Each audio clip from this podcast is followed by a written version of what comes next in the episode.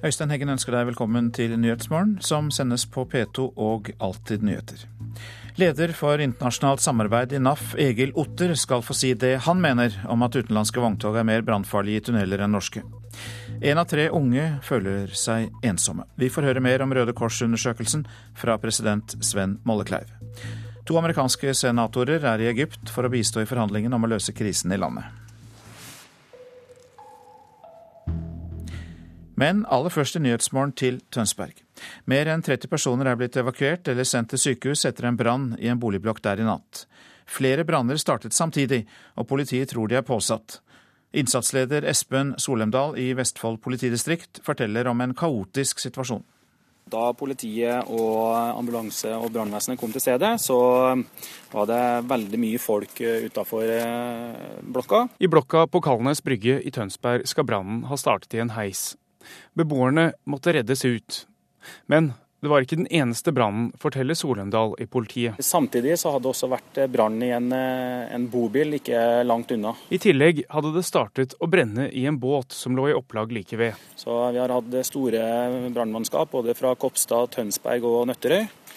Eh, samt at vi har hatt store ressurser også fra ambulanse og politi. Brannene som startet rundt halv fire i natt er nå slukket.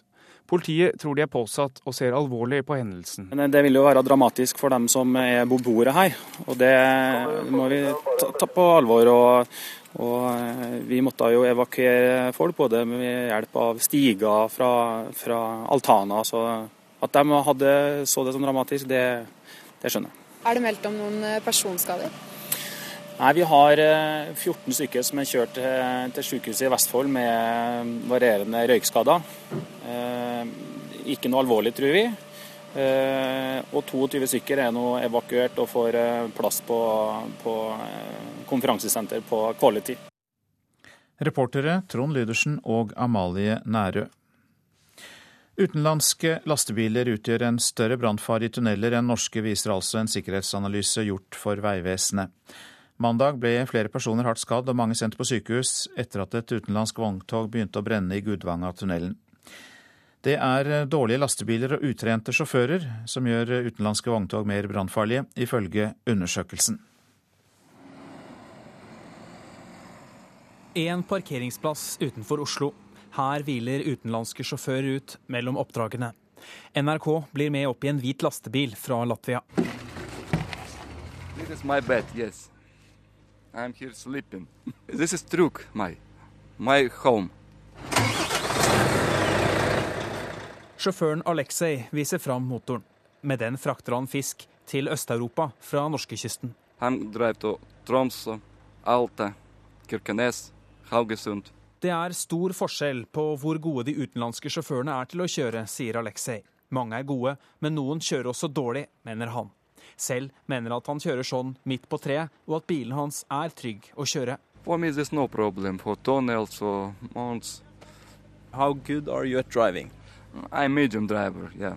Do you think this car to drive is safe? Yes. Why? This new truck and they safe here, very good. Selv om den latviske sjåføren Aleksej forsikrer om at hans lastebil er trygg, viser norske kartlegginger at utenlandsk tungtransport er blant de største brannrisikoene i norske tunneler. Bilene er ikke konstruert for å tåle bratte bakker, forteller Espen Møller Rokstad, sikkerhetsrådgiver i Safetec. Det er ikke alle utenlandske, men en del eh, som vi ser på som kommer til Skandinavia, har annen dimensjonering på bremser, akslinger og, og motor, eh, som er dimensjonert rett og slett for å kjøpe et flatere terreng. I et land som Norge kan det bli et problem.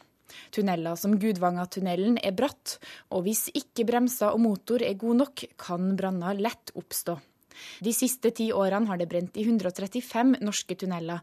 Halvparten av tunnelbrannene skjer i tunneler med bratt oppover- eller nedoverbakke, forteller Tor Olav Nevstad, som står for denne kartlegginga. Eh, I vårt materiale så fant vi at eh, det særlig var veitunneler som har høy stigningsgrad, som var overrepresenterte. Sammenligner man med skandinavisk eh, transport, som er dimensjonert for å, å kunne kjøre og har erfaring osv., så, så, så er det klart at det er en forskjell. Det er dimensjonert for å kjøre på ikke så eh, røffe topografiske forhold, altså høy stigning, fall. Eh, det kombinert med kanskje en annen teknisk tilstand, annet vedlikeholdsregime og den slags, eh, øker risikoen for, for varmgang og deretter i verste tilfelle kanskje en brann. Det sa Espen Møller Rokstad. Han er sikkerhetsrådgiver i Safetec. Reportere Marit Gjelland og Haldor Asvald.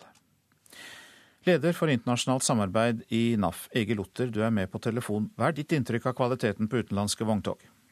Nei, det er nok eh, dessverre ymse, og det føyer seg inn over den dekkproblematikken som vi har hatt i mange mange år med østeuropeiske biler. og At de kommer spesielt på vinteren på utslitte dekk og aldeles ikke har med seg kjettinger og at kvaliteten er eh, som sagt ymse, for dette er gjerne eldre, utdaterte kjøretøyer som eh, har blitt kjøpt eh, billig i Vest-Europa. Vi har et fritt marked for transport, vi er med i EØS. Hva kan da gjøres med dette? Kontroller på grensa, og der har jo Vegvesenet intensivert dette, i hvert fall på vintertid. Men det er jo som nevnt her at eh, mange av disse kjøretøyene har jo ikke flere bremsesystemer, og de har også andre girutskiftende girbukser som gjør at de ikke er egnet for eh, bratte bakker, kort og godt. Og det har norske vogntog stort sett? Ja, det er totalt annerledes eh, bygd. og uh, slik at Det er faktisk forskjell. En lastebil er bare ikke en lastebil, selv om man ser like ut på, på utsiden. Du sier at kontrollrutiner må til, eller flere kontroller. Er det andre ting man kan gjøre enn bare å stanse disse på grensa? Opplæringen, Føreropplæringen i Øst-Europa er vel også litt ymse. Og man har vel også sett at det har vært forfalskede førerkort eh, og slikt noe. Sånn at eh, det er mye å rydde opp i der, men det er vanskelig å ta tak i. I og med at, eh, som du sier, det er fri kjøring, og de kan også operere internt i Norge i lengre perioder. Men disse utenlandske vogntogene Otter, er jo hyret inn av norske selskaper, enten det er transportselskaper kanskje, eller bedrifter som skal kjøpe eller selge varer. Har ikke de også et ansvar? Det har de i aller høyeste grad eh, her, sånn, men jeg tror de ser eh, lett mellom fingrene der. For det er en ekstrem konkurranse eh, på, på pris. Og når kanskje en latvisk sjåfør kjører for en femtedel av prisen av det det gjør en svensk eller norsk, så sier det seg sjøl at det er markedstilpassing, som det kanskje heter pent. Hva er NAFs råd til bilistene? Skal vi ha med gassmaske i bilen nå?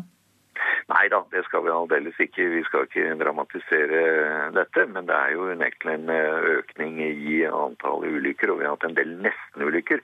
Vi må si at vi har hatt faktisk en flaks i en del eh, tilfeller når det gjelder bussbranner akkurat ved inngangs portalene på tunnelene, og det har vært resolutte sjåfører som har kjørt ut med brann bak i, i, i, bussen. Eh, men det er fortsatt ganske så sikkert å kjøre i, i norske tunneler. Og, eh, men, eh, men, det er jo også et oppgraderingsbehov som er enormt. og det trengs et skikkelig løft. Så selv om eh, diverse samferdselsministre står og viser til økninger i Nasjonal transportplan, så er det nesten en dråpe i havet. Takk skal du ha, Egil Otter, leder for internasjonalt samarbeid i NAF. Miljøpartiet De Grønne mener SVs nye løfter om oljestopp er gode, men ikke gode nok. I går gikk SV inn for å stanse åpningen av alle nye oljefelt på norsk sokkel. Det står ikke til troende så lenge SV samarbeider med Arbeiderpartiet, mener De Grønnes førstekandidat i Oslo, Rasmus Hansson. Det er godt. Eh, det er ikke godt nok. Miljøpartiet De Grønnes dom over SVs miljøpolitikk. Nye oljefelt skal ikke utvinnes. De Grønne går lenger, sier førstekandidat i Oslo, Rasmus Hansson. Vi eh, skal avvikle oljevirksomheten i løpet av 20 år, som er fornuftig i et klimaperspektiv. Eh, vi sier nei til tildeling av nye konsesjoner. Vi sier eh, at CO2-avgiften skal bygges opp til 1000 kroner tonnet. Og vi vil gjøre hele oljefondet til et bærekraftfond. Det er foreløpig mer konkret. SV lovet i går at ingen nye oljefelt skal utvinnes. Sluttdato og konsesjonsstopp er derimot urealistisk, mener miljøvernminister Bård Vegar Solhjell. Jeg tror det viktige nå er å hindre utbygging av områder nå, ikke sette en dato som er umulig å vite. Eh, og så er jeg opptatt av at vi skal ha en så kraftig omlegging som vi tåler for å løse klimaendringene. Altså, Det vi må gjøre, det er en så kraftig omlegging som er nødvendig for å, å, å gjøre noe med klimaendringene. Og Det vi nå vet, det er at eh, vi kan fortsette med en god del aktivitet. Vi trenger ikke legge ned, skape massearbeidsløshet på Vestlandet. Men vi må la store, nye områder bli liggende, og investere de ressursene i andre næringer. Hansson mener SVs store problem er at de samarbeider med Arbeiderpartiet. Han tror ikke at en rød-grønn regjering vil gjøre som SV lover. Fordi SV er for små og Arbeiderpartiet for store og fossile. Men SVs store svakhet er jo at de har forhåndsstemt på Arbeiderpartiet. Eh, så Arbeiderpartiet vet de har dem i lomma før forhandlingene begynner. SV går til valg på, på vår politikk, eh, andre partier på sin politikk. Jeg tror mange vet at det har vært diskusjoner mellom partiene om miljø- og energipolitikken. Det etablerte og det nye Miljøpartiet er nå uenige om både om hvem som er best og først. Det er mange ting i Miljøpartiet De Grønnes program som jeg ser de henter fra oss, og som er positivt. Eh, den er tilfeldigvis også eh, helt lik omtrent det som Miljøpartiet De Grønne eh, for lengst har programfestet. De Grønne og SV møtes til oljedebatt i Politisk kvarter, og det blir om en halvtime. Reporter her Lars Nehru Sand.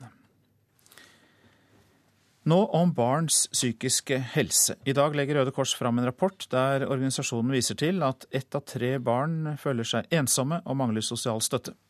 President i Norges Røde Kors, Sven Mollekleiv, god morgen. God morgen. Hvordan vil du beskrive situasjonen for barn i Norge ut fra det denne rapporten forteller? Nei, det er en eh, økning i andelen mellom barn og unge blant 8 og 19 år.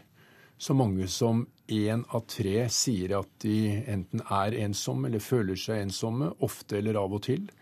Og Folkehelseinstituttet forteller oss også at opp mot 20 av eh, barn og unge eh, sier de er ensomme i den grad at det også fører til eh, nedsatt funksjonsevne, hvilket jo er en betydelig utfordring både i forhold til skole og senere eh, yrkes- og arbeidsliv. Det er merkelige greier, dette her. Vi har velstand, vi er best i verden, og så får dere disse resultatene. Hvorfor det? Ja, dette er eh, overraskende, og det er skremmende. Og det viser jo at barn og unge er mer utsatt enn eh, resten av befolkningen. Det har vært mye fokus på ensomhet blant eldre, men det er nå avgjørende viktig at vi også ser på eh, hva som skjer blant barn og unge. Det er flere årsaker. Dels er det et betydelig større press til å skulle lykkes. Facebook med likes, det å ha venner, det å være med, det å ha vært på de riktige feriene, det å høre med de riktige vennene, det å kunne delta på alle de ulike typer av aktiviteter. Og i en tid hvor aldri så mange har hatt det så bra, så føles det kaldere å være i kulda når så mange sitter inne i varmen.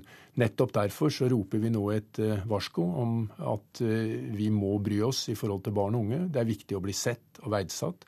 Det er viktig å bli invitert, det er viktig å ta del. Eh, og dette er viktig ikke bare for hver enkelt, hvert enkelt barn eller ungdom, men det er også viktig for eh, hele samfunnet vårt. Roper dere etter staten her, eller eh, roper dere til oss alle? Vi roper til oss alle, men det er også en utfordring til det offentlige. Fordi vi ser at etter denne store satsingen på eh, psykiatri i denne opptrappingsplanen etter opp mot 2008, så eh, melder både Statistisk sentralbyrå, eh, Sintef og andre at det har vært en reduksjon i eh, satsingen eh, overfor barn og unge på Det kan være sykesøstre eh, i gammel og tradisjonell forstand på skolene. Det kan være helse- og sosialtjenesten eh, i kommunen, med store variasjoner mellom eh, regionene og kommunen. Men det er også en utfordring til alle frivillige organisasjoner om å passe på at man ser den enkelte. At det blir et tilbud til alle. At man ikke ekskluderer. At man ikke får for høy terskel for å komme inn. At man passer på at ikke økonomien eh, sperrer folk ute. Vi har sett dette i tilbudene våre eh, i løpet av sommeren i Ferie for alle. Eh, mange eh, barn og unge som ikke får ferie fordi det er for kostbart fordi at det også finnes en betydelig gruppe av såkalte fattige, eller eh, folk som ikke har tilgang til det tilbudet som resten har. Det er en betydelig utfordring når barna gruer seg til å komme på skolen eh, fordi man ikke har vært på ferie pga. dårlig økonomi eller på annen måte er blitt satt på utsiden. Takk for at du kom for å orientere om denne rapporten, Svein Mollekleiv, som da er president i eh, Norges Røde Kors. Dette er Nyhetsmorgen. Klokka passerte nettopp 7.18, og dette er hovedsakene. Mer enn 30 personer er blitt evakuert eller sendt til sykehus etter branner i en boligblokk i Tønsberg i natt. Politiet tror brannene er påsatt, og ber vitner som kan ha sett noe, om å kontakte dem. Utenlandske vogntog er mer brannfarlige enn norske, viser en sikkerhetsanalyse gjort for Vegvesenet. Flere kontroller krever NAF. Og vi skal høre at eh, musikken til en fransk storfilm skal spilles inn av Stavanger symfoniorkester.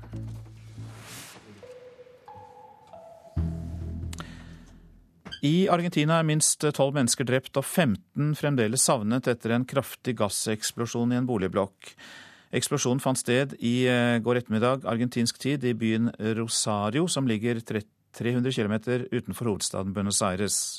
Over 60 mennesker ble skadd i eksplosjonen, og faren for at bygningen skal kollapse, vanskeliggjør redningsarbeidet.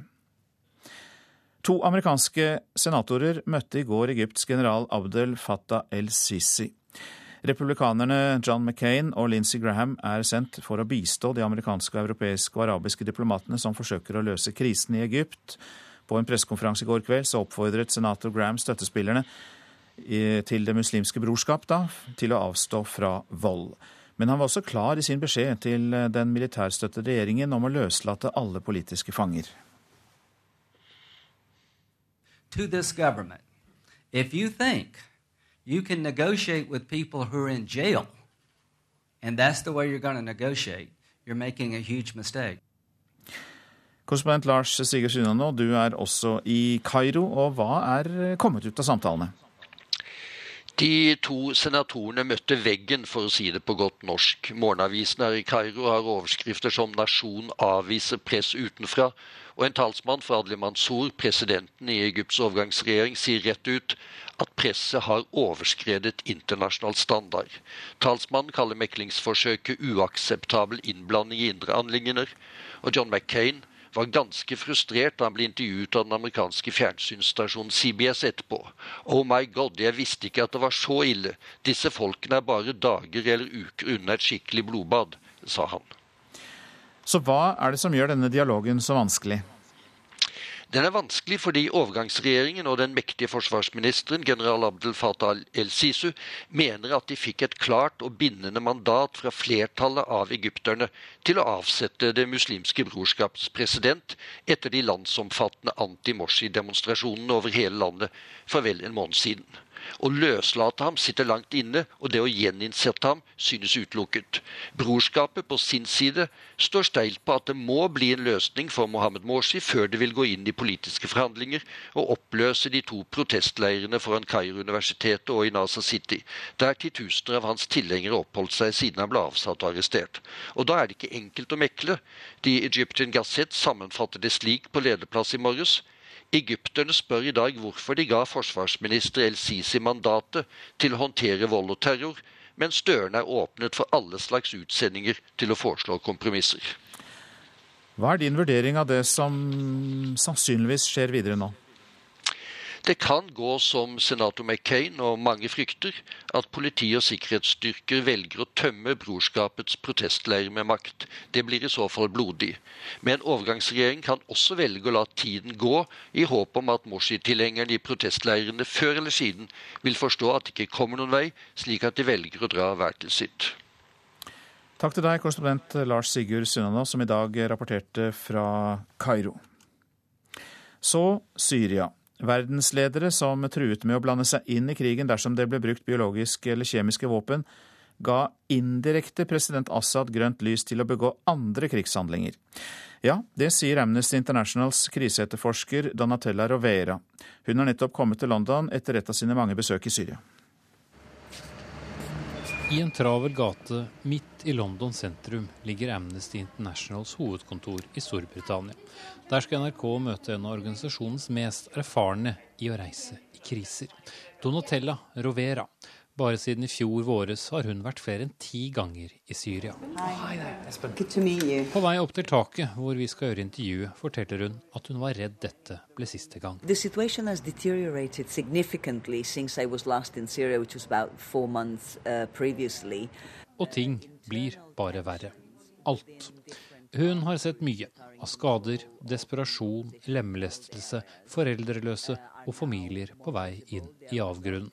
Og en voldsom økning av kidnappinger, særlig utlendinger. De kan lett omsettes i penger. Yes, uh, undoubtedly there are now uh, much, much less foreign journalists uh, who go to Syria compared to just a year ago. Derfor er det også langt færre utenlandske øyne som ser det krigsherjede landet. It has become much more dangerous to operate in Syria is, is another factor that contributes to there being less, you know, outside uh, scrutiny on the ground. Jeg spør om biologiske våpen. Så hun noen beviser for den bruken, og da fnyser hun nærmest. Ikke av spørsmålet, men av verdensledere som for ett år siden valgte å trekke en linje ved nettopp biologiske våpen, som ifølge henne indirekte ble et grønt lys for president Assad til å foreta seg nærmest hva han ville av andre krigshandlinger. We've seen a, a full year of relentlessly pounding um, through air bombardment, artillery strikes, uh, civilian neighborhood after civilian neighborhood, entire villages, entire areas of, of towns uh, reduced to rubbles. Det var hennes tanker fra Syria, mens konflikten trekker mer og mer ut i tid. Verdens øyne, de hviler på andre ting. Espen Aas, London. Sånn noen ord om uh, avisene. Menn leker mens damer skifter bleier, skriver Dagsavisen om arbeidsfordelingen i barnehagene. Når flere menn begynner å jobbe i barnehagene, viser det seg at oppgavene blir mer kjønnsdelte. Rekordmange svindel-e-poster til Sparebank1, skriver Dagens Næringsliv. 7000 kunder har meldt om svindelforsøk. Iført gassmaske er Rennesøy-politikeren Åge Sola avbildet i Stavanger Aftenblad. Han har alltid med seg fire fluktmasker i bilen i tilfelle brann i Byfjordtunnelen. 279 tunneler har alvorlige feil på kabelanleggene, skriver Bergens Tidende. Flere er mørkelagt eller uten nødsystem som virker. Flere av manglene har vært kjent siden 1998. Dagbladet lister opp Norges farligste tunneler. 200 må oppgraderes til en kostnad på 7 milliarder kroner. Ikke mer penger til nødnett i tunnel, verken fra regjeringen eller fra Høyre, skriver Nasjonen. Fylkesmannen i Sogn og Fjordane vil ha mer penger for å sikre fylkets 18 mest utsatte tunneler. Ny meningsmåling er helsvart for Jens, skriver VG. Målingen gir et overveldende borgerlig flertall på Stortinget med til sammen 105 mandater. Festår for Fritt Ord, skriver Finansavisen. Stiftelsen byttet forvalter og økte risikoen. Det ga en fortjeneste på investeringene på 300 millioner kroner for stiftelsen, som skal sikre vilkårene for ytringsfrihet i Norge.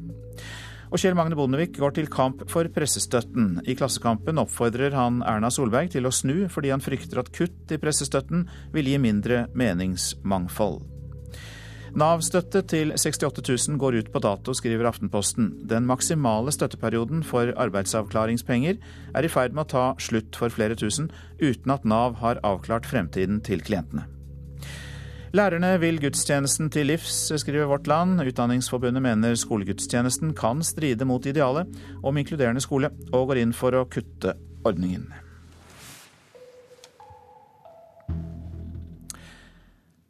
Musikken til en fransk storfilm skal spilles inn av Stavanger symfoniorkester. Symfonisk filmmusikk spilles ofte inn i Øst-Europa, men komponist Jan Erik Kåda mener det er på tide å snu trenden av hensyn til norsk film. Elisabeth Skaar Sipkens stemmer fiolinen før en ny økt med innspilling av filmmusikk. Det er fint vi får litt backtrack i øret, så vi hører litt av musikken, hvordan den blir helheten til slutt. Vi andre må vente til filmen kommer, før vi får høre musikken, som er skrevet av Jon Erik Kåda. Vi, vi drev og tar opp filmmusikk til en, til en fransk film som heter La liste mes envie. Storfilmen er basert på bestselgerboka 'Ønskelisten', og denne gangen ville Koda spille inn musikken på hjemmebane i Fartein Vallensalen i det nye konserthuset i Stavanger. Den salen og det at de liksom har kommet, kommet inn i så flotte lokaliteter og sånn, har jo, har jo gjort noe med orkesteret òg. En merker jo at de har en, en voldsom sånn vitalitet. da. Og hvis en skal sammenligne det med de kanskje litt sånn utslitte, mange underbetalte musikerne i Øst-Europa, så ja, jeg vet ikke, det føltes riktig. Norske musikere brukte Kåda også da han spilte inn musikken til O. Horten, men dette er unntaket snarere enn regelen i norsk film. Musikken til filmer som Max Manus og Hodejegerne er spilt inn i Øst-Europa, som tilbyr rimelige pakkeløsninger. Altså, De gangene vi har gjort ting utenlands, eller at jeg har reist og fått gjort ting, så jeg har egentlig aldri hatt noen god feeling på resultatet. Altså, Du, du har liksom ikke kontroll. da. Du kommer til et maskineri, og så er det Altså, de vil bare ha mest mulig filmer, for det er jo mye penger for dem. Hummer og ha, de liksom bare soper sammen musikere, og så får de det gjort. og så, ja. Nå ønsker Jon Erik Kåda at trenden snus, og at norsk filmmusikk i større grad spilles inn her i landet. Eh, Jeg syns det skal være et mål, ja. Altså Flere og flere produksjonsledd blir jo flytta utenlands. Filmbransjen i Norge blør jo nå. og det, Vi må ta vare på hverandre. F.eks. at en eh, sånn film som Flåklypa spilles inn med norsk musikk av et norsk orkester, det anser jeg som meget viktig. Sier sjefen for kringkastingsorkesteret KORK, Rolf Lennart Stensø. Musikken til Flåklypa-filmen er ikonisk, og nå er KORK i gang med å spille inn ny musikk til en ny Flåklypa-film. Stensø mener det er en myte som må avlives at norske orkestre ikke er konkurransedyktige. Det har vært store forskjeller på Øst-Europa og ja, Vest-Europa kan du si, i veldig mange år. Men eh, de eh, forskjellene der er i veldig stor grad utjevna. Og da må vi være flinke og få formidla det til de som skal velge oss. Det sa sjefen for Kringkastingsorkesteret, Rolf Lennart Stensø. Reporter her, Anette Johansen Espeland. Det er færre jobber for tyrefektere i Spania. Nå søker de arbeid i Latin-Amerika. Mer om toreadorenes sysselsettingsproblemer etter Dagsnytt. Miljø er tema i Politisk kvarter. Der blir det holmgang mellom SV, De Grønne og Høyre. Tonje Grimstad er produsent for Nyhetsmorgen i dag. Her i studio Øystein Heggen. Om få sekunder Dagsnytt.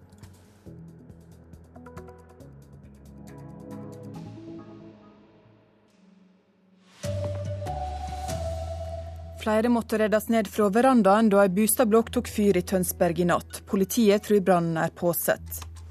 Og utenlandske lastebiler er mer brannfarlige i tunneler enn norske, viser analyse.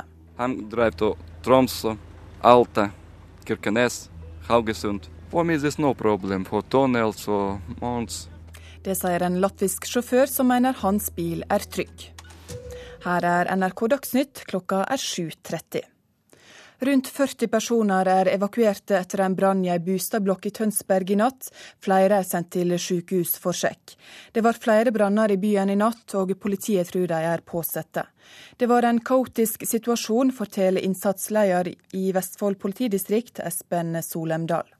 Da politiet og ambulanse og brannvesenet kom til stedet, så var det veldig mye folk utafor blokka. I blokka på Kalnes brygge i Tønsberg skal brannen ha startet i en heis. Beboerne måtte reddes ut. Men det var ikke den eneste brannen, forteller Solendal i politiet. Samtidig så hadde det også vært brann i en, en, bobil ikke langt unna. I tillegg hadde det startet å brenne i en båt som lå i opplag like ved. Så vi har hatt store brannmannskap både fra Kopstad, Tønsberg og Nøtterøy. Eh, samt at vi har hatt store ressurser også fra ambulanse og politi. Brannene som startet rundt halv fire i natt er nå slukket. Politiet tror de er påsatt og ser alvorlig på hendelsen. Det vil jo være dramatisk for dem som er beboere her, og det må vi ta på alvor. Og, og vi måtte jo evakuere folk, både med hjelp av stiger fra, fra Altana. Så at de hadde så det som dramatisk, det, det skjønner jeg. Er det meldt om noen personskader? Nei, Vi har 14 stykker som er kjørt til sykehuset i Vestfold med varierende røykskader. Ikke noe alvorlig, tror vi. Og 22 stykker er nå evakuert og får plass på, på konferansesenter på Quality. Politiet ber nå vitner om å kontakte dem. Reportere her var Trond Lydersen og Amalie Nærø. Utenlandske lastebiler tar lettere fyr i tunneler enn norske. Det viser en analyse gjort for Vegvesenet. På mandag ble flere personer hardt skadde og flere titalls sendt til sykehus da et utenlandsk vogntog tok fyr i Gudvangatunnelen i Sogn og Fjordane. Dårlige lastebiler og utrente sjåfører gjør utenlandske vogntog mer brannfarlige, viser undersøkelsen. Gudvangen mandag. Et helikopter frakter skadde til sykehus. Røyk velter ut av tunnelen der brannen starta i motoren til en østeuropeisk trailer. Det er i slike bratte tunneler utenlandske vogntog er mer brannfarlige enn norske, sier sikkerhetsrådgiver i kriseanalyseselskapet Safetech, Espen Møller Rokstad. En del eh, som vi ser på som kommer til Skandinavia, har annen dimensjonering på bremser, akslinger og, og motor, eh, som er dimensjonert rett og slett for å kjøpe et flatere terreng. Og, og, i Norge kombinert med kanskje perioder med, med bratt fall og høy stigning rett etter hverandre, så, så, øker det risikoen for varmgang i bremse og motor. Eh, og det kan jo igjen selvsagt være bakenforliggende for en, en brannutløsning. Dårlige bremser og motorproblemer i trailere og lastebiler er den største kjente brannårsaken i norske tunneler, viser forskning. Ingen vet nøyaktig hvor mange av disse brannene som utløses av utenlandske vogntog, men ifølge Rokstad er det mye større sannsynlighet for at brannen er forårsaka av en lastebil eller trailer fra utlandet. Høy stigning, fall, kombinert med kanskje en annen teknisk tilstand, annet vedlikeholdsregime og den slags øke risikoen for eh, i verste tilfelle kanskje en brann. NRK blir med inn i en latvisk lastebil utenfor Oslo. Mitt hjem, forteller sjåføren Alexei. Men er han en god sjåfør på bratte norske veier? How good are you at driving? I'm medium driver, yeah. Helt gjennomsnittlig, svarer Alexei.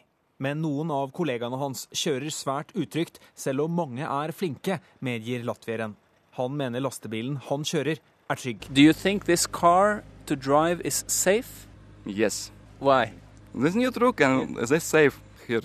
For me, there's no problem. For tunnels or mounts, very good brakes. Reporter her var Marit Gjelland og Haldor Asfall. Det trengs flere og strengere kontroller for å få bukt med farlige utenlandske vogntog. Det sier Egil Otter, som er leder for internasjonalt samarbeid i NAF. Det er jo kontroller på grensa, og der har jo Vegvesenet intensivert dette, i hvert fall på vintertid. Men det er jo som nevnt her at eh, mange av disse kjøretøyene har jo ikke flere bremsesystemer, og de har også andre girutskiftende girbokser som gjør at de ikke er egnet for eh, bratte bakker, kort og godt. Ett av tre barn føler seg ofte ensomme, det viser en ny rapport fra Røde Kors. Den konkluderer bl.a. med at tilbudet til barn og unge må bli bedre for å forebygge psykiske lidinger.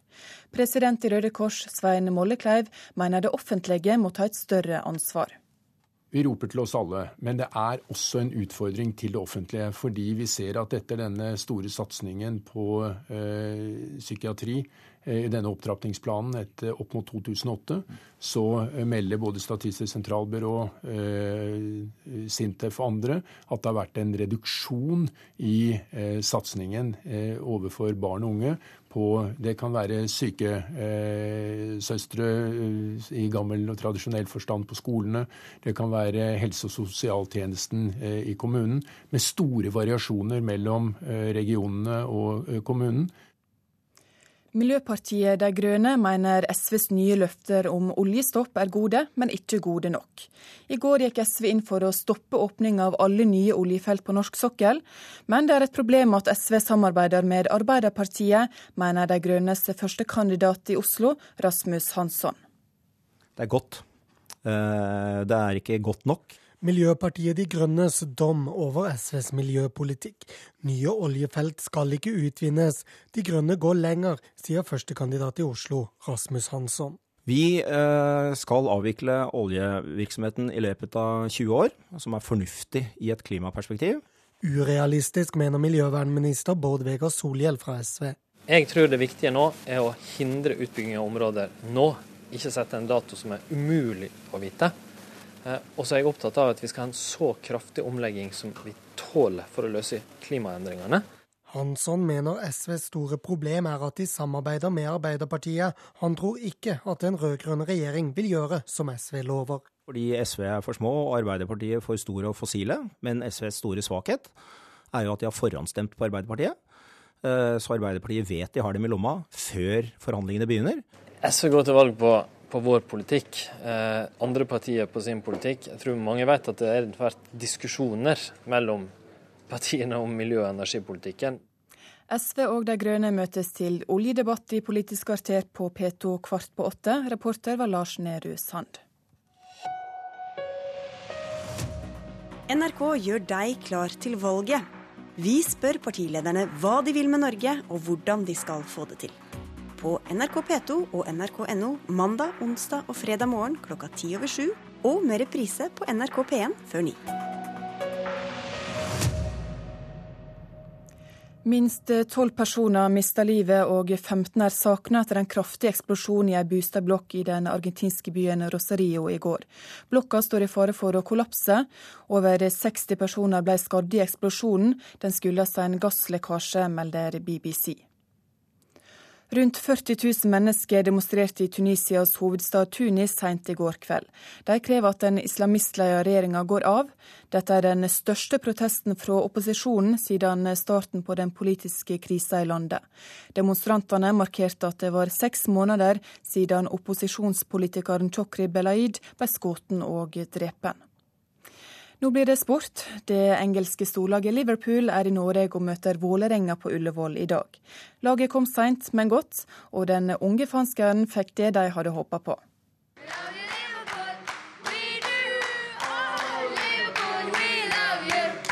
Stor stemning da en av verdens største fotballklubber ankom Oslo i går kveld. Denne gang er det Liverpool som skal møte Vålerenga til oppvisningskamp. Og manager Brendan Rogers viste at han hadde gjort hjemmeleksene sine om Vålerenga før kampen. Forrige kamp spilte de 2-2. De brukte en 4-1-4-1-formasjon. Den venstrebente spilleren på høyresiden er veldig teknisk. De har en ung spiss som beveger seg bra, og har en dødelig avslutter i boksen. Og etter en slik taktisk analyse er det vel ingen tvil om hvem som vinner dagens kamp. Leopold. Liverpool møter altså Vålerenga til kamp i kveld. Reporter her var Olav Havdal Tangenes. Ansvarlig for denne dagsnyttsendinga er Eirik Ramberg. Det tekniske ansvaret har Hanne Lunås. Mitt navn er Ingvild Ryssdal.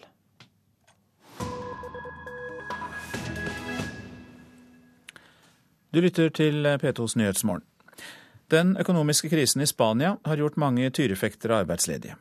Nå drar de heller til Latin-Amerika, der den blodige underholdningen fremdeles er etterspurt.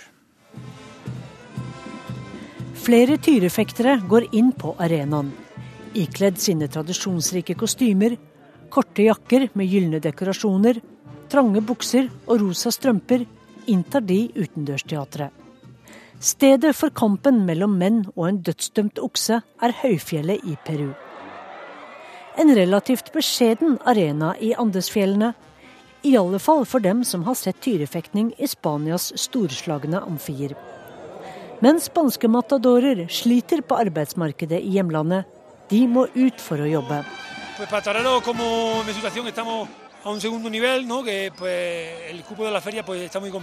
Hjemme i Spania er situasjonen for tyrefektere nedadgående.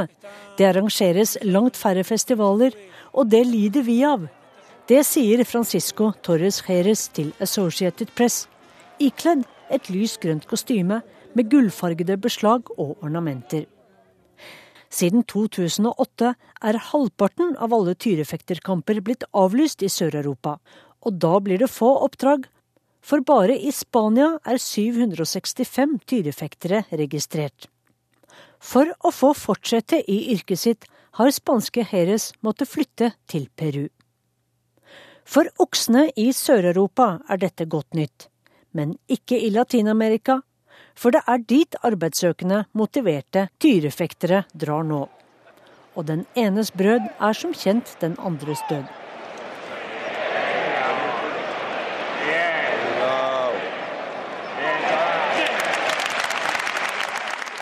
Tyrefektning har røtter tilbake til antikkens Kreta, Hellas og Rom. I flere århundrer og frem til i dag har dødsdansen mellom risikosøkende menn og sinte, desperate okser vært populær folkeforlystelse i Spania, Portugal, Sør-Frankrike og enkelte latinamerikanske land. Utøverne følger strenge regler og ritualer. De mest berømte matadorene er blitt legender og folkehelter, farlig som yrket er. Men de siste tiårene har stadig flere fått en litt besk smak i munnen når de har fulgt oksens pinefulle ferd mot dødsøyeblikket. Tyrefekting, eller dyremishandling som det også kalles, er blitt en høyst omdiskutert og utskjelt forlystelse. Kanariøyene var den første spanske regionen som forbød tyrefekting, og i 2010 slo den spanske nasjonalforsamlingen fast at dette ikke er en del av den spanske kulturarven. Men den omdiskuterte tradisjonen lever fremdeles i beste velgående, selv om den er blitt helt forbudt i Catalonia. Søreuropeerne har mindre penger å bruke på slik blodig moro i det kriserammede Europa. Så arbeidsmarkedet for tyrefektere er i fritt fall, ifølge Associated Press. Flere av dem har pakket matadorkostymene, røde kapper og korder og dratt til Latin-Amerika. Peru er det landet som arrangerer flest tyrefektninger i året nå. Og peruvianerne tar svært godt imot oss utlendinger, sier Nuno Cascinha fra Portugal. Men rik blir ingen tyrefekter nå. Det er umulig å tjene noe særlig på dette. Men du tjener nok til å leve av det, sier den portugisiske tyrefekteren. Denne reportasjen var laget av Sissel Wold. Du lytter til Nyhetsmorgen, og vi har disse hovedsakene. Mer enn 40 personer er blitt evakuert eller sendt til sykehus etter branner i en boligblokk i Tønsberg i natt. Politiet tror brannen er påsatt, og ber vitner som kan ha sett noe, om å kontakte dem. Utenlandske vogntog er mer brannfarlige enn norske, viser en sikkerhetsanalyse gjort for Vegvesenet. Ett av tre barn føler seg ofte ensomme, viser en rapport fra Røde Kors. Den foreslår at tilbudene til barn og unge må bli bedre for å forebygge psykiske lidelser. SV vil stanse all ny leting etter olje, lovte de i går. Bjørn Myklebust, programleder for Politisk kvarter. Kampen om miljøvelgerne ser ut til å spisse seg til nå. Miljøvernministeren skjønner ikke at De grønne kan støtte Høyre. De grønne skjønner ikke at miljøvernministeren kan støtte Arbeiderpartiet. Og han som kan bli ny miljøvernminister, rister på hodet av begge to.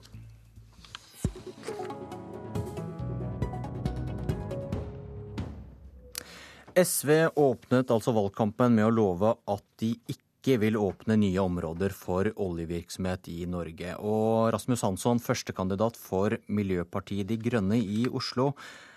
Er dette et løfte velgerne bør tro på? De bør tro på SVs uh, ærlige ønske om å få til dette her.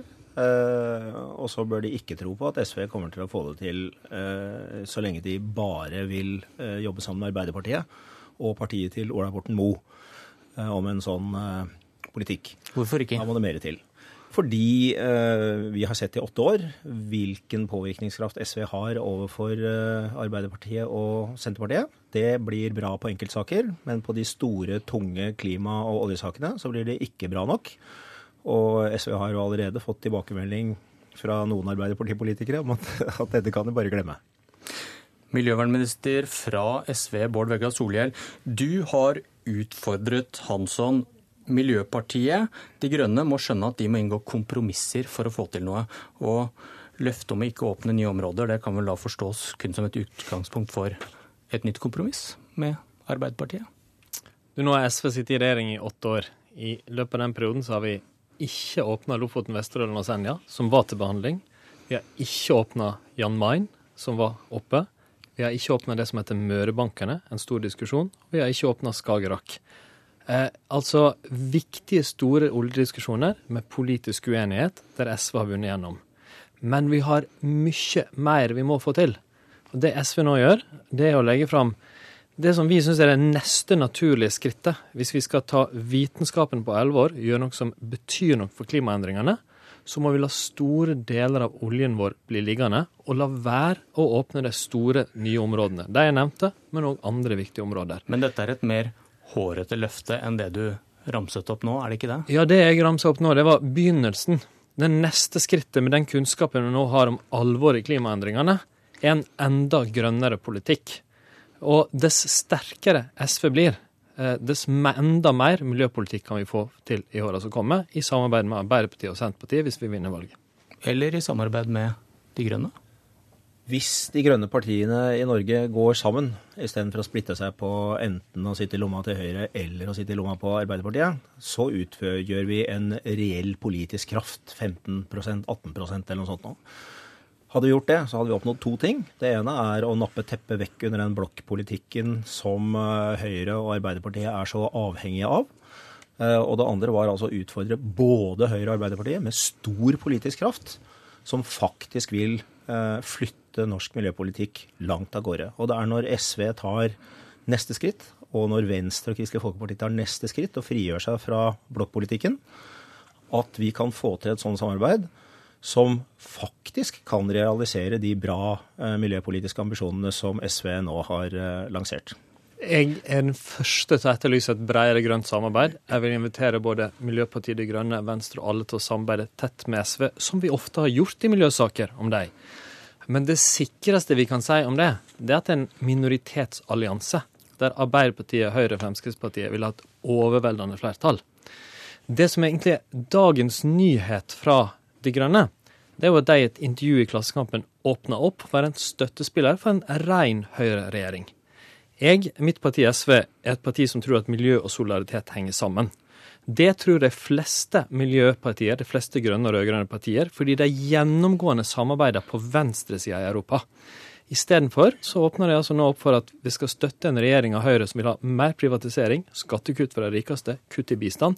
Jeg får ikke det overhodet til å henge sammen med verdiene miljø og solidaritet. Vi har Høyre her, men eh, Rasmus Hansson, da kan du fortelle Høyre først hvorfor du har lyst til å støtte en regjering utgått av Høyre? Det som uh, vår talsperson Hanna Markussen sa, det var at uh, dersom vi får med Høyre på uh, de meget høye klima- og miljøkravene som De Grønne som kjent stiller, så kan vi gjerne samarbeide med Høyre, akkurat som vi gjerne kan samarbeide med Arbeiderpartiet hvis vi får med dem på det samme. Vi er ikke så opptatt av blokkpolitikken, vi er opptatt av politikken. Eh, og hvis Høyre og Nikolai Astrup, som nå skal få ordet om et lite øyeblikk, så vidt jeg skjønner, eh, faktisk vil levere på eh, de ivrigste festtalene sine når de snakker om miljø, så er det veldig spennende for, for den norske miljøpolitikken. For De Grønne avviser at det er noe vesentlig forskjell på Arbeiderpartiet og Høyre.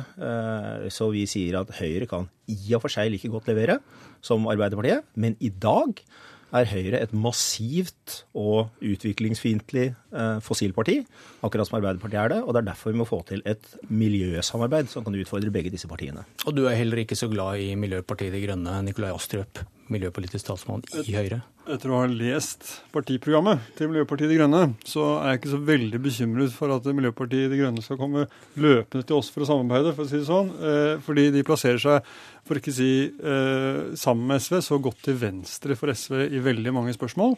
Og jeg vil si at de er et godt alternativ for desillusjonerte SV-velgere eh, som føler at SV har oppnådd for lite gjennom åtte år i regjering. Men eh, hvis man er opptatt av eh, en grønn politikk, så bør man stemme på et blått parti, og da aller helst på Høyre. For vi har vist gjennom de siste åtte årene at vi har presset regjeringen til å føre en langt mer offensiv og ambisiøs klimapolitikk enn det de selv var villige til å legge frem. La oss huske at regjeringen la frem to klimameldinger. Begge to ble slaktet av en samlet miljøbevegelse fordi de var for lite offensive og for lite konkrete på tiltak som faktisk ville gi utslippsreduksjoner. Så har Høyre eh, og Venstre og KrF presset eh, regjeringen i riktig retning. Vi ønsket å gå lenger. Vi ønsket en sterkere satsing bl.a. på miljøteknologi, bl.a. på fangst og lagring av CO2, bl.a. på omstilling av transportsektoren i miljøvennlig retning. Men vi har altså ikke oppnådd eh, så mye som vi håpet. Men vinner vi valget til høsten, så er jeg helt sikker på at Høyre skal klare å dra landet i en langt mer miljøvennlig retning enn det SV har klart gjennom åtte år med Arbeiderpartiet. Tidligere miljøvernminister Erik Solheim fra SV skriver på Twitter om olje. Gårsdagens drivstoff vil Norge fortsette på autopilot. Kommentar Solhjell? Ja, godt sagt. Det er vel fra siste nummer av avisa eller magasin The Economist som kalte olje gårsdagens drivstoff. Og Det er nettopp det eh, vi nå ser. Det at vi eh, er avhengig av olje, lever av olje i dag, men framtidas eh, energi den vil være fornybar. Og det er smartere å være tidlig ute i den omstillinga. Og derfor skal vi nå våre klimamål, så må betydelige deler av oljen bli liggende under bakken, og vi må omstille oss. Problemet med Høyre er at eh, i teorien så er de enige om at klimamålene er viktige, men ingen av de oljefeltene jeg nevnte nå, har de vært tilhengere av å la være å åpne. Eh, og de er òg, har i sitt program, full gass når det gjelder olje. Så må jeg si at eh, sant, eh, grønn politikk, miljø, er på en måte ikke et shoppingsenter der du kan ta hvilket som helst parti og se på hva du får mest igjen. Jeg er den oppfatning at miljø henger tett sammen med solidaritet, og henger dårlig sammen med markedsliberalisme. Og Derfor er egentlig min utfordring til eh, Miljøpartiet De Grønne hvorfor ikke bli med de partiene som tydeligst taler med en miljøstemme, som har den miljø- og solidaritetskoblinga de hevder å være del av, støtte opp under oss, være en samarbeidspartner, istedenfor å holde levende en mulighet for å støtte de blå høyrepartiene og få mer privatisering, kutt i bistand. Det ville spesielt om vi i Norge skulle få et blå-grønt parti, eller et miljøparti som kobler seg på Høyre istedenfor den rød-grønne alliansen som i hele Nord-Europa ser vokse fram. Miljøvernminister Solhjell snakker jo mot bedre vitende når han eh, forsøker å lime eh, grønne partier til Høyre. Eh, det vi har gjort, er for det første å sette en ny standard i norsk miljøpolitikk, som vi altså er her i studio i dag og snakker om, fordi SV også har plukket opp den, de konkrete og mer ambisiøse kravene til norsk uh, oljeframtid og til norsk fornybar framtid, som De Grønne for lengst har lansert. Og det vil si at eh, Den grønne politikken i Norge, eh, representert ved Miljøpartiet De Grønne, allerede flytter norsk politikk før vi er kommet inn på Stortinget. Og så gjør vi altså to ting. Det ene er at vi påpeker det fryktelig mange ser, nemlig at blokkene er like, og blokkene fører til stillstand i politikken. Og blokkene er først og fremst Høyres og Arbeiderpartiets interessefelt. Og det andre vi sier, er det er forskjell mellom den virkelig viktige politikken i Norge, nemlig det å få Norge over i en bærekraftig retning. Og der er et parti som Høyre dessverre veldig langt bak mål. Og det andre vi sier, er at det er en masse ting i norsk politikk som er helt greit i stand skolepolitikk, syk, eh, helsepolitikk osv. Hvor det går an å få til helt grei og anstendig politikk både til høyre og til venstre. Og det er den utfordringen eh, De Grønne vil gi til begge sider. Ja, problemet med Rasmus, Rasmus Hanssons eh, resonnement her, eh, det er jo for det første at vi har vist gjennom åtte år at vi er en pådriver for en langt mer ambisiøs klimapolitikk. Eh, så hans påstand om at eh, måte, vi er i denne fossile kategorien sammen med Arbeiderpartiet, det er feil. Hvis vi ser på framtida, Astrup, så har Solhjell bestilt en rapport eh, som Aftenposten vel refererte her om dagen, som viser at en ny internasjonal klimaavtale kan gjøre utslipp så dyrt at Norge må bremse i oljeutvinningstakten. Og hvordan påvirker det Høyres politikk hvis dere skulle komme i regjering? Nå har du hørt hvordan disse snakker om å stanse oljealderen. Jeg mener at de begynner i feil ende. fordi eh, vi er tilhengere av et eh, kvotesystem som vi har i Europa, som bidrar til å redusere utslippene hvert eneste år ved at eh, utslippsrettighetene blir færre hvert eneste år. Og det må også norsk petroleumssektor forholde seg til. Det er en del av det systemet. Og det er klart at Hvis ikke vi oppnår særdeles store miljøfremskritt, så vil kvoteprisen øke dramatisk i årene som kommer. Og det vil da gjøre noe av norsk petroleumsproduksjon ulønnsom. Og det er en riktig måten å gå frem på. Ved at man øker prisen og dermed så lar vi markedet virke i miljøets tjeneste, og vi gjør det mest mulig kostnadseffektivt. Problemet Men Hva tenker med, du om SVs løfte da, med ja, ikke å åpne nye felt? Problemet med, ja, det, det, faller jo litt på skal du si, eh, Det er jo et paradoks når SV sitter i en regjering som da er den første regjeringen som har åpnet et svært område for, eh, for letevirksomhet på nytt område på 20 år. Eh, Barentshavet sørøst, som da har dobbelt så store ressursanslag som det eh, Lofoten og Vesterålen har.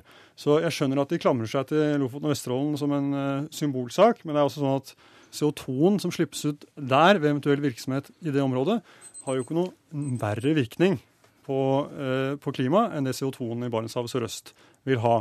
Vi må løse dette på en mye mer overordnet måte, og da er nettopp kvotesystemer Eh, som er det mest kostnadseffektive verktøyet vi har i Europa for å redusere utslippene. Riktig vei å gå. Og Rasmus Hanssons parti er jo mot kvotesystemer. Mot fangst og lagring av CO2 som en teknologisk løsning som vi er helt nødt til å få til eh, på en kostnadseffektiv måte. Eh, så jeg mener jo at med De grønnes politikk så vil Norge bli et fattigere land. Og vi vil ikke bli et grønnere land. Fordi levestandarden må ned hvis vi skal redde kloden, eller? Forbruket som vi har her i Norge kan ikke fortsette å vokse på den eh, helt meningsløse måten som det gjør i dag. Det skjønner alle, og det kan godt hende at det må litt ned. Men de fleste som husker 1980, hvor vi hadde radikalt lavere kjøpekraft enn det vi har i dag, husker også at vi hadde det ganske bra da. Så det er ikke noe problem uh, å ha et meget uh, anstendig velferdssamfunn med litt høyere forbruk. Jeg tror hvis du drar til Spania, der annenhver ungdom er arbeidsledig, og sier at vi kan ikke ha økonomisk vekst og framgang, så tror jeg vi får null støtte for en offensiv miljøpolitikk. Men man tar òg feil. For det vi skal gjøre, er ikke å skru av strømmen. Vi skal bytte ut den fossile, men fornybare energien. Og vi skal ikke slutte å reise, men vi skal bytte ut eh, bensin- og dieselbilen med elbiler og kollektivtrafikk. Det er altså en grønn omlegging av økonomien vi skal gjennom som samtidig må være en solidarisk omlegging som gjør at vi holder arbeidsløsheten nede, og at folk kan ha en skikkelig jobb og et høyt velferdsnivå. Og i skarp opposisjon til markedsliberalismen til Høyre, som vil kutte i velferd eh, og i bistand og privatisere i Norge. Men jeg, det er derfor miljøpartier må være solidariske venstresidepartier ikke partier som sammenligner med høyresida i politikken. Solhjell, vi prioriterer miljø høyere enn det SV gjør. Det å bl.a. foreslå dobbelt så store bevilgninger til miljøteknologi. Bl.a. å foreslå mer midler til fangst- og lagringsteknologi og utvikling av det. Ved bl.a. å foreslå et langt raskere tempo i omstilling av transportsektoren. Så det du sier er feil. Og det å si at, det at vi ønsker at vi, ha, eh, at vi skal ha gode rammebetingelser for norske bedrifter i dette landet, at det skal være en motsetning mellom det og, eh, og, det å satse på miljø, det er rett og slett ikke riktig. Tvert om så er det motsatt. Jeg tror at eh, det viktigste vi bør kunne bli enige om, det er at det er handling for miljøet som er det viktigste nå. Jeg tror folk er lei av kranglinga. Det vil se enda flere resultater, videre framgang. Ikke minst i oljepolitikken og i transportpolitikken. Og som er det som betyr aller mest. Her snakker vi to fossile blokkene, og vi vet hva de har fått til. Nå Men, er det sjanse til å gjøre noe nytt. Rasmus Hansson, vi må uansett vente til 9.9 for å se om du får muligheten til å samarbeide med en av de fossile blokkene. Politisk kvarter er slutt for i dag. Jeg heter Bjørn Myklebust. NRK gjør deg klar til valget. Vi spør partilederne hva de vil med Norge, og hvordan de skal få det til. På NRK P2 og nrk.no mandag, onsdag og fredag morgen klokka ti over sju, og med reprise på NRK P1 før ni. Hør flere podkaster på nrk.no podkast.